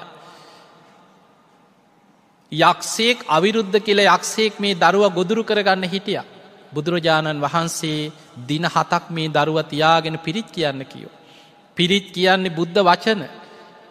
බුදුරජාණන් වහන්සේගේ බුදුමුවින් දේශනා කරපු බුද්ධ වචන කියනකොට දෙවියන් දස දහසක් ලෝක දහා තුළ දෙවියන් අහස පිරිලා ඉතිරිලා සාධකාරදිදී ඒ පිරිත් අහනකොට අර යක්ෂයට යොදුංගානක් ඈතට වෙලා හිටිය කියනවා දෙවියම් පිරිල නිසා ළඟටවත් එන්න බැරි වුණ. දරුවගේ මාරකය කෙවිලා දීර්ගාවිශ්‍ය ලැබුණ ඒ තමයි ආයු වඩ්ඩන කුමාරය. ඒ නිසා පිරිත කියන්නේ මහා ආශිර්වාදයක් ඇති බුදුමුවින් දේශනාවච්ච ඒ පිරිසිදු බුද්ධ වචන. ඒ නිසා පිංහතුනේ අපි පහුගේ කාලෙ බොහොම අවාසනාවන්ත කාලයක් අපිට විතරත් නෙමෙයි නෙනෙ මුළු ලෝකෙටම මේ වසංගතය තිබුණේ. ලෝකෙ මහා බලවත් හටවල් පවා කඩාගෙන වැටුණා. ඇදිර නීතිය දාල මිනිස්සුන්ට එලියට බහින්න බැරුව අවුරුදු දෙකක් දෙකකටත් එහා කාලයක් අපි කවුරුත් මුළු ලෝකෙම පීඩාවන්ද මේ වසංගතය. දැන් යන්තන්ගේ තත්ත්වෙ ටිකෙන් ටික පහවෙලා යන ලකුණු අපිට පේනවා. අපිට මෙහෙම හරි පින්කං කරන්න වාසනාව තියෙනවා. අපේ රටේ මොන ප්‍රශ්න තිබුණත් අපිට ආර්ථික ප්‍රශ්න ඇති ගැටලු ඇති. හැබැයි මේ ලෝකෙ වටිනා පූජනීයම දේවල් උරුම වෙච්ච ජාතියක් අපි. වැඩිම සරුවඥ ධාතුන් වහන්සේලා වැඩ ඉන්න ස්වර්ණමාලි චෛත්‍යරාජාණන් වහන්සේ. බුදුරජාණන් වහන්සේ බුදුවෙච්ච ජයශ්‍රී මහා බෝධීන් වහන්සේගේ දක්ෂිණ සාකා බෝධීන් වහන්සේ. උන්වහන්සේගේ ලලාට ධාතුන් වහන්සේ ග්‍රීවාධාතුන් වහන්සේ ඌර්ණ රෝම ධාතුන් වහන්සේ දකුණු අකුධාතුන් වහන්සේ සතර දළදා වහන්සේලාගෙන් වාම යටි දළදා වහන්සේ දකුණු දළදා වහන්සේ කොච්චරනන් සර්වඥ ධාතුන් වහන්සේලා මේ ලංකා භූමී වැඩයින්නවද ධාතු මන්දිරයක් වගේ රටක්. ඒ නිසා ඒ සියලු දහතුන් වහන්සේලාගේ ඒ උතුම් රුවන්වැලි මහාසෑයි ජයශ්‍රීමා බෝධීන් වහන්සේගේ පිහිටෙන් ආශිර්වාදය මේ ලංකා දෙරනට මේ භූමියයට මේ තියෙන වසංගත විපත්බිය ඉක්මනින්ම දුරුවේවා ඔබ හැම දෙනාටමත් අපි හැම දෙනාටමත් ලක්වාසී ලෝවාසී සියලු දෙනාටමත් රිසිසේ යළිත් පින් දහම් කරමින් කුසල් දහම් වඩමින් වෙහෙර විහාර ඉදිකරමින් සෑවන්දනා පින්කං කරමින් බණහමින් සීල සමාධි ප්‍රඥා වඩාගෙන උතුම් වූ ධර්මයම දියුණු කරගන්න ධර්මයම අවබෝධ කරගන්න අපි හැම දෙනාටම වාසනාව ලැබේවා ලැබේවා ලැබේවා කියලාශිර්වාද කර.